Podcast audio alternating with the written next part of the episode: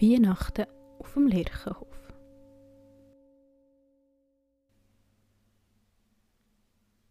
Ein aufgeregtes Schnattern hört man, wenn man heute gegen die Fünfe beim Lerchenhof durchläuft. Ich sehe ihn sicher zuerst! Nein, das muss ich! Ich will zuerst Versli aufsagen. Hat er echt Seseli dabei? Alle Kinder von der Nachbarschaft stehen zusammen mit ihren Eltern auf dem Vorplatz bei Straubs.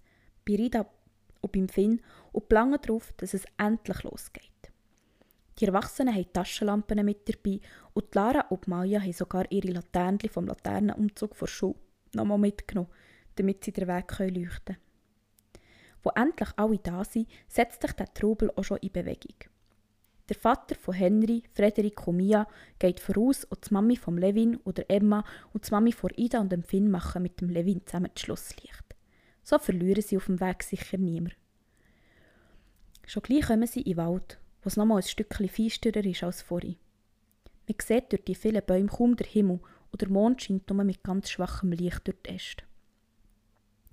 Zum Glück weiss der Sammy Klaus aber immer, wo er auf die Kinder muss warten Schon seit der Frederik, Dida, der Levin und die Maya und die Lara klein waren, kommt er jedes Jahr mit seinem Eseli und seinem schweren Sack zum Waldhaus und wartet dort auf sie, bevor er sich dann auf den Weg macht zu den nächsten Kindern.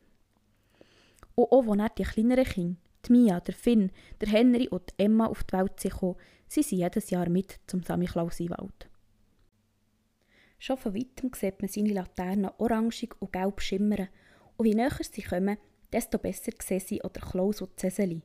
Er sitzt auf einem dicken Baumstamm und futtert dem Eseli gerade ein Rüebli. Jetzt sind die Kinder kaum noch zu bremsen. Klaus, Klaus, ruft der Finn, schau, ich habe für dich eine Zeichnung gemacht. Und ich habe Eseli ein Rüebli mitgebracht, schau, ruft der Henry und nimmt aus dem Jackensack ein grosses, dickes Rüebli, das er extra hat eingepackt Ja, halt, halt, Kinder, eins nach dem anderen. Stellt euch mal schön in eine Reihe, sonst komme ich ja ganz durcheinander, ruft der Klaus über die aufregend durcheinander redende Kinderschar.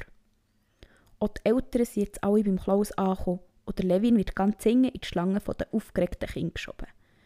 Der Sammy Klaus begrüßt jetzt auch die Eltern herzlich, wie wenn man alte Freunde trifft. Und dann sagt er, so, und jetzt eins nach dem anderen wie zu Paris. Ein Kind nach dem anderen tritt jetzt vor und sagt ein Versli auf, das es gelernt hat. Die Maya und die Lara haben dieses Jahr kein Versli auswendig gelernt. Dafür spielen sie am Klaus ein Lied auf der Blockflöte vor. Ein richtiges Weihnachtslied. Vom Finn gibt es ein Versli und noch eine Zeichnung für Klaus, wo er mit dem Eseli drauf gezeichnet ist.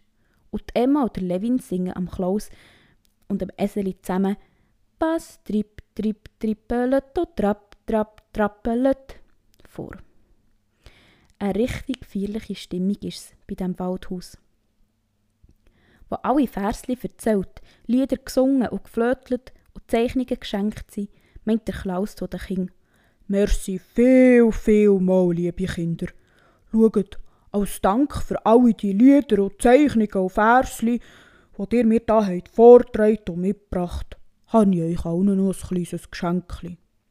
Und er nimmt seinen grossen Sack, der auf dem Rücken vom Eseli angemacht ist, und nimmt daraus für jedes von den Kindern ein Säckchen. Aber jetzt muss ich leider schon weiter, sagt der Klaus. Wir sehen uns aber auf jeden Fall nächstes Jahr wieder. Und so nimmt er das Eseli wieder am Strick und die Laterne in die andere Hang und macht sich auf den Weg zum nächsten Dorf. Und dort die Kinder laufen mit ihren Eltern durch den Wald zurück zum Lerchenhof.